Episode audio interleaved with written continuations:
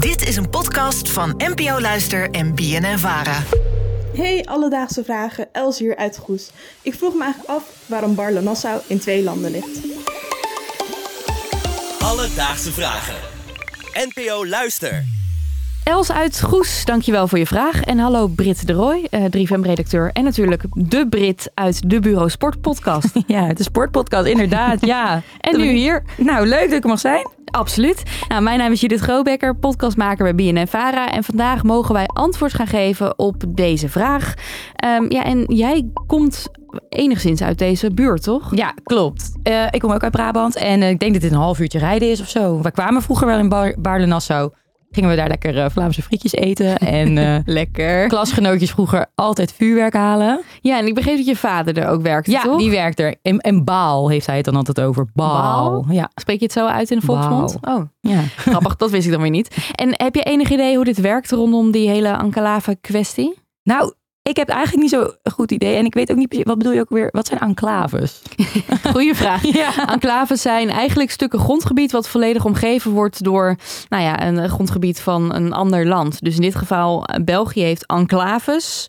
Kleine eilandjes. Ja, eigenlijk Ja. wel Oh, in ja. Nederlands grondgebied. Dus moeten volledig zeg maar omsloten worden door ander grondgebied. Ander grondgebied. Oké, duidelijk. Straks hoor je van emeritus hoogleraar en historicus Maarten van Rossen met antwoord op de vraag waarom Baarle-Nassau zowel in Nederland als in België ligt. Maar eerst moeten we een fikse sprong terug in de tijd maken om te begrijpen hoe dat gebied überhaupt zo in stukjes is gehakt. Nou, daarvoor heb ik met wat mensen gebeld en ben ik zelf even de boeken ingedoken. Om het te begrijpen moeten we terug naar het einde van de 12e eeuw. In wat nu het zuiden van Nederland is, had je het hertogdom onder Hendrik I. En iets noordelijker bestond een graafschap onder graaf Dirk VII van Holland. Nou, die graaf die wilde graag wat zuidelijker gebied innemen. Maar ja, dat vond de hertog natuurlijk tien keer niks. En hij heeft het tegen weten te houden door een bondgenootschap af te sluiten met de heer van Breda, verre familie van hem.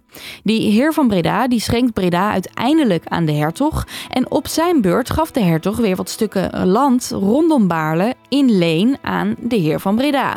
Maar hij gaf niet alles, want sommige stukken vond hij zelf te interessant, dus die besloot hij zelf te houden.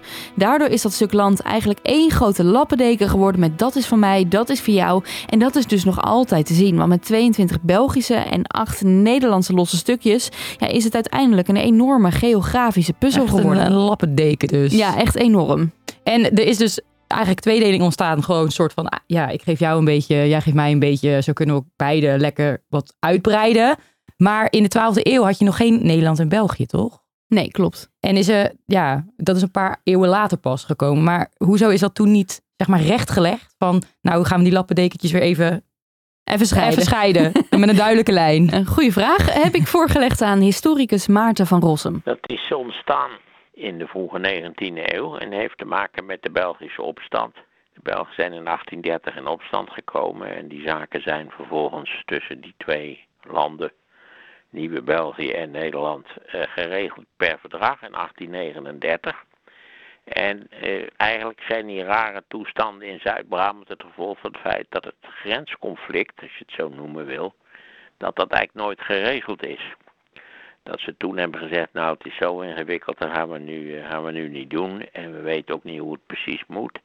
Dus we laten het maar zoals het is.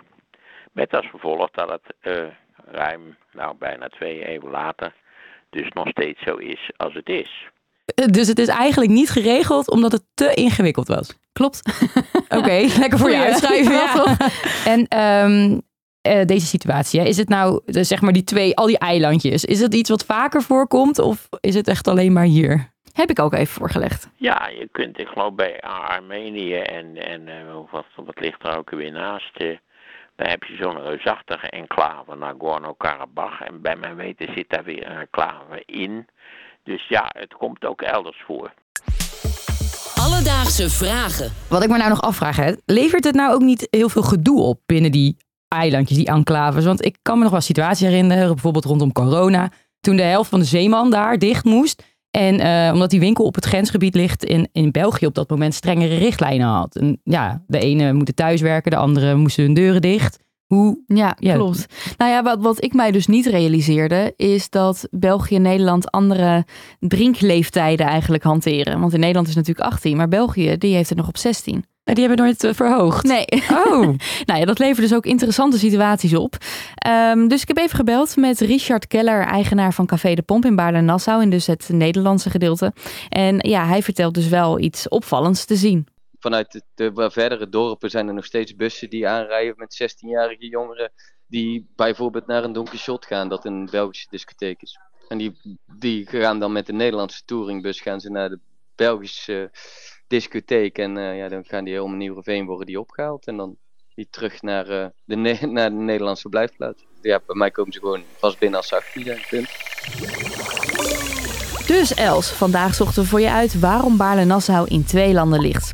Nou, dat heeft dus te maken met het grensconflict tussen Nederland en België bij de Belgische opstand in 1830. Maar dat het op de kaart eigenlijk een beetje een lappendeken is geworden, dat ontstond al veel eerder. Namelijk aan het einde van de 12e eeuw door een conflict tussen hertog Hendrik I van Brabant en de graaf Dirk VII van Holland. Nou, en waarom het nooit is opgelost? Ja, gewoon omdat het eigenlijk verdomd ingewikkeld is. nou duidelijk. Heb jij nou ook een vraag? Stuur ons dan een berichtje op Insta, Alledaagse Vragen. Of je kan ons mailen op alledaagsevragen.bnnvara.nl En dan eh, zoeken wij het voor je uit. Alledaagse vragen. NPO Luister. BNN Vara.